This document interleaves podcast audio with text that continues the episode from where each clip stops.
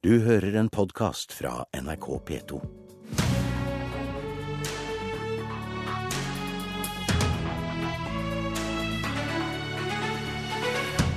Stemmer det at beredskapen ikke er blitt vesentlig bedre etter 22.07, slik Riksrevisjonen hevda? Nei, sier Frp. Ja, sier Ap. Og det er ti dager igjen til valg i Danmark og dødt løp mellom rød og blå blokk. Først i Politisk kvarter skal vi til lørdagens høring i Stortingets kontrollkomité og høre direktør i Direktoratet for samfunnstryggleik og beredskap, Jon A. Lea. Jeg kan ikke se hvordan Riksrevisjonen har kommet fram til sin konklusjon på basis av denne rapporten. Riksrevisjonens konklusjon skaper et feilaktig inntrykk av status for den norske beredskapen. Helge Thorheim, medlem i kontrollkomiteen fra Frp. Riksrevisor Per Christian Foss sa at beredskapen ikke er blitt vesentlig bedre etter 22.07. Mener du som Lea at han gir et feilaktig bilde? Ja, jeg syns vel både på bakgrunn av rapportene og ikke minst på bakgrunn av høringen, som også er en del av, av vår jobb nå, så uh, føler jeg vel det at det som Lea sier, det, det syns jeg nok er riktig. Jeg syns det er altfor langt å gå å si at vi ser ingen vesentlig forbedringsevne i departementet siden Gjørv-kommisjonen la frem sitt forslag til forbedring. Så Foss, du mener at Foss tok litt hardt, for hardt i? Ja, jeg syns kanskje det var å gå vel langt. Absolutt. Men uh, han hadde jo en rapport som han baserte sine konklusjoner på? Ja, men jeg tror nok kanskje at uh, denne rapporten er noe utdatert nå. Fordi at uh, mye av det som den baserer seg på, er også Helsetilsynets rapport, som avsluttet sine undersøkelser i 2013. Og så har man også i tillegg tatt med dette med fylkesmennene og avsluttet det i november 14. Men det har skjedd veldig mye i den perioden eh, siden 2013 som jeg syns nok eh, Riksrevisjonen burde vektlagt mye, mye mer. Eh, rapporten ble tross alt fremlagt for oss den 21. mai i år. Og fra 2013 til nå så har det skjedd veldig mye på dette her området. Forstår. Martin Kolberg fra Arbeiderpartiet og leder av kontrollkomiteen. Mener du at Riksrevisjonen hadde grunnlag for å hevde at beredskapen ikke er blitt vesentlig bedre etter 22.07? Ja, definitivt på et veldig vesentlig område. Og det handler om det som var også hoveddiskusjonen etter 22.07, altså Gjørv-kommisjonen. Nemlig alle de gode kreftene som ikke fant hverandre. Fordi denne, Hva denne rapporten konsentrerer seg om, det er jo samordningen. Altså evnen til å jobbe sammen, evnen til å planlegge sammen, evnen til å lære av øvelser. Og her ser vi altså igjen at det er vanskeligheter med å, øh, vanskeligheter med å få departementene til å samarbeide godt. Og hvis programlederen tillater det, så vil jeg gjerne komme tilbake til akkurat det punktet. Men vi ser også at det er utfordringer i samarbeidet mellom departementet og direktoratet. Der har de jo to vidt forskjellige forklaringer på hvorfor. Og det er store problemer knytta til fylkesmennene. Og alle de tre punktene ble egentlig bekreftet i høringen. Så jeg hører det helt annerledes enn hva Thorheim gjør. Men nå vil jeg understreke Men han hevda jo da at denne rapporten er utdatert. Ja, jeg hører han sier det, men ikke med tanke på det som er kjernen i dette. Hvordan skal vi få til samordningen på en god og effektiv måte? Og eh, Nå har det skjer det ting hele tiden, det er helt riktig, og det tar også Riksrevisjonen høyde for. Men det går ikke an å si at det ikke er grunnlag for Riksrevisjonens rapport. Det er tvert imot at det er grunnlag for det. Så kan jeg kanskje få lov til å si én setning til, ettersom øh, okay, jeg, ja, og jeg, jeg vil ikke gjøre så veldig mye partipolitikk ut av dette. Jeg har ikke lyst til det, og jeg syns ikke det er nødvendig. Fordi jeg vil holde fokus på det som er realiteten, nemlig hvordan skal vi få det bedre, slik at det blir mer trygt i Norge for befolkningen. Og Da er Men, det jo viktig å, å, se har beredskapen blitt bedre etter 22.07. Og Abid Raja, medlem i kontrollkomiteen fra Venstre, stoler du på Riksrevisjonen, eller er du enig med Frp her, som mener at det er gått litt langt i sine konklusjoner? Jeg stoler uh, veldig på Riksrevisjonen, og det jeg stoler veldig på Riksrevisjonen, og det har vi god tradisjon for å gjøre også i Stortinget. Jeg slutter meg eh, for det meste til det innlegget Martin Kolberg her holdt. Eh, og jeg noterer meg også at eh, FrPs representant er altså ikke i takt med sin egen justisminister. For jeg stilte justisministeren spørsmål nettopp om dette, om det er slik nå at man i Justisdepartementet ikke vil legge Riksrevisjonens rapport til grunn, heller ikke dets konklusjoner, og hvordan han stiller seg til Leas uttalelser om at DSB-sjefen ikke tar konklusjonene til etterretning. Og da sa justisministeren veldig klart, både han, Justisdepartementet Justisdepartementet og alle underliggende etater under justissektoren skal legge Riksrevisjonens rapport til grunn og deres konklusjoner. Så det må vi slå fast. Når det okay, gjelder, selve, når det gjelder beredskapen Da må jeg høre med Torheim. Er du, er du eh, ikke på linje med din egen justisminister der? Ja, jeg har veldig lyst til å kommentere litt på dette. fordi Jeg har ikke sagt at man ikke skal legge Riksrevisjonens eh, rapport til grunn. Eh, tvert imot, det er jo den vi skal behandle i Stortinget nå. Men du mener at han trekker feilaktige en... konklusjoner? Ja, altså nå sier Kolberg f.eks. dette her med at det, det, det, er ulike syn på hvordan man kommuniserer mellom DSB og, og Justisdepartementet. Jeg hørte ikke det på høringen. Jeg hørte tvert imot noe annet. Justisministeren eh, bekreftet at det er veldig god dialog med DSB, og også hans underliggende avdelinger. Når jeg spurte DSB om det samme, så fikk jeg bekreftet at jo, det er god dialog mellom DSB og Justisdepartementet. Men det er vel på og når jeg også spurte om det samme virkelighetsoppfatning, så var det det de bekreftet. Ja, Kolberg. Ja, jeg, jeg, jeg, tror at eh, jeg skal prøve eh, Jeg syns det er viktig at vi kommer oss ut av denne litt polemiske tonen som vi har nå. Fordi eh, jeg gjentar at jeg vil holde fokus på hva er det som skal bli bedre for befolkningen.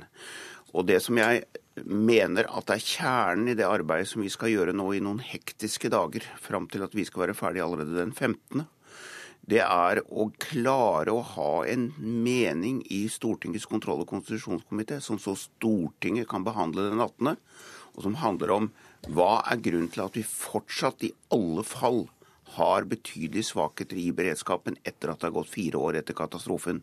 Men da det, er det vel det, viktig at en har en felles virkelighetsforståelse om ja, det, dette, Raja? Ja, ja, jeg tror, altså Martin Kolberg er inne på veldig mange gode poeng, men jeg tror det er viktig her også å få si og Det er det Helsetilsynets rapport har vist der. og det er At eh, beredskapen faktisk ikke ble bedre etter 22.07.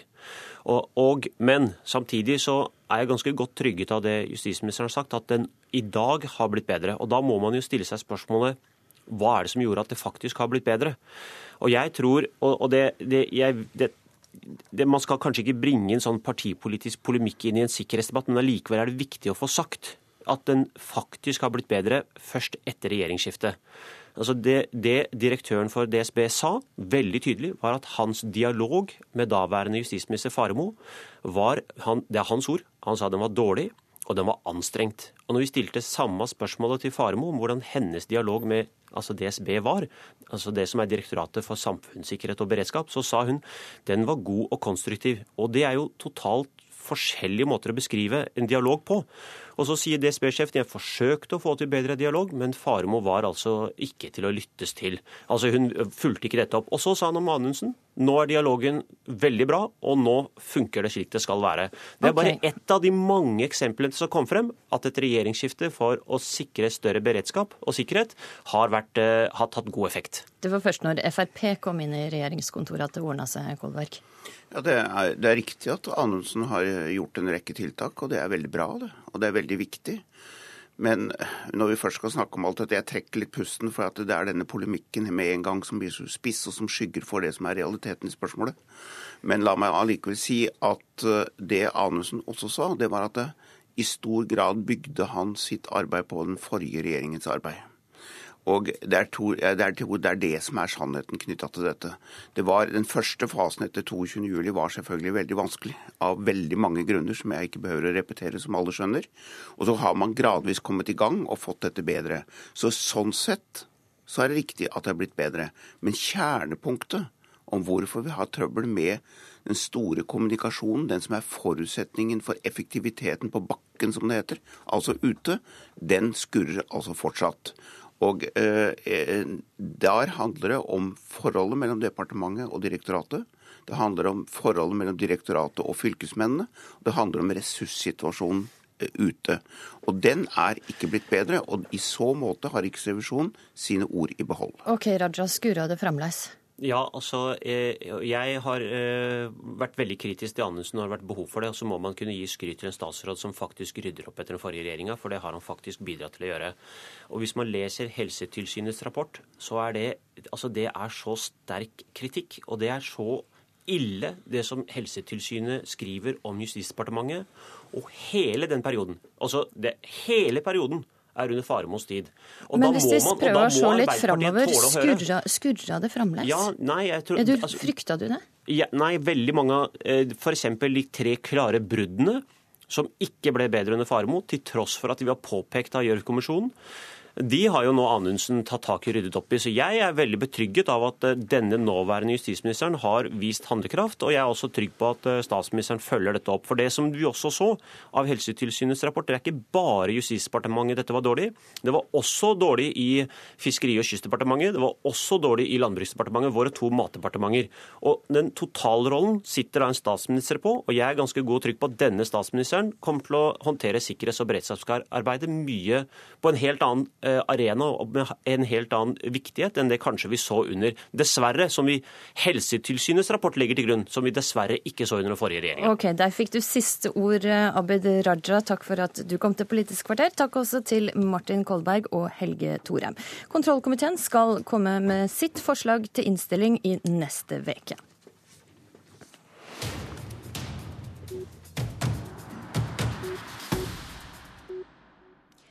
Det er dødt løp mellom rød og blå blokk i den danske valgkampen, og i går var det statsministerduell på vår søsterkanal DR.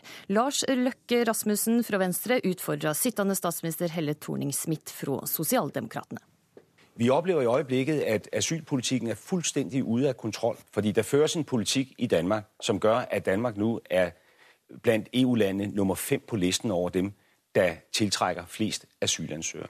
Da jeg var statsminister, var vi nummer 10. Jeg er ved at blive rigtig træt af, at du bliver ved med at sige, at det er på min vagt og alt det her. Ligegyldigt, hvem der havde været statsminister i Danmark, så har der desværre været krig i Syrien. Der havde været et Libyen, som er på vej til opløsning. Der var kommet rigtig mange flygtninge til Danmark.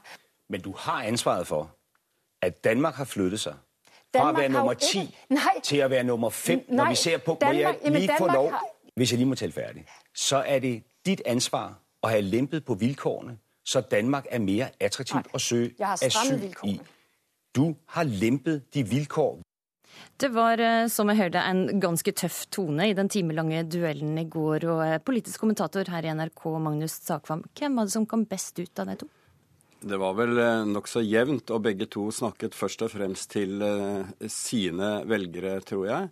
Eh, men eh, Lars Løkke Rasmussen kom nok noe bedre ut av duellen enn det han gjorde i den aller første duellen da valgkampen startet. Da virket han uforberedt på Torning-Smiths nokså aggressive stil. Og det var veldig mye av debattemaet på sosiale medier i går kveld også etter denne duellen. Eh, fordi Torning-Smith var, som vi hørte her, veldig pågående. Overtent, vil noen si. Og i hvert fall eh, borgerlige velgere reagerte på dette. Så det spørs eh, hvem som likte den stilen eller ikke, f.eks. Vi hørte deg snakke om eh, innvandring her. Hvor viktig er det i den danske valgkampen? Det er eh, veldig viktig, for å svare generelt på det. Og i denne duellen så var det et gjennomgangstema nesten på alle samfunnsområder man, man snakket om. Og sånn, som det lille glimtet vi hørte her, så var det på en måte en konkurranse om å være strammest og mest restriktiv i innvandringspolitikken, som, som, som på en måte lå til grunn. Så det er det ene. Det andre er at uh, Lars Løkke Rasmussen og uh, Venstre bruker nettopp veksten i utgiftene til uh, flyktninger uh, osv. som et motargument mot Torning-Smith påstander om at skattelette vil undergrave eh, muligheten til velferdsutvikling i, i Danmark. Sånn at det blir brukt, som sagt, på, på nærmest på alle måter. Mm. Det er dødt løp mellom blokkene. Likevel så leia Torning Smith klart når folk blir spurt til hvem de vil ha som statsminister. Hvor avgjørende blir statsministerkampen i innspurten av valgkampen? Sosialdemokratene bruker i hvert fall den populariteten hele Thorning-Smith har, eh, for alt det den er verdt i valgkampen. Eh, og det, eh, det, det er deres regi. Eh, så tror jeg nok at selve valgkampen, når den begynner å rulle og gå, at det argumentet blekner noe. Og da må man ha, ha flere ting å, å, spille på. Takk for analysen, Magnus Takvam. Med det er Politisk kvarter slutt. I studio i dag var Astrid Randen. Du har hørt en podkast fra NRK P2.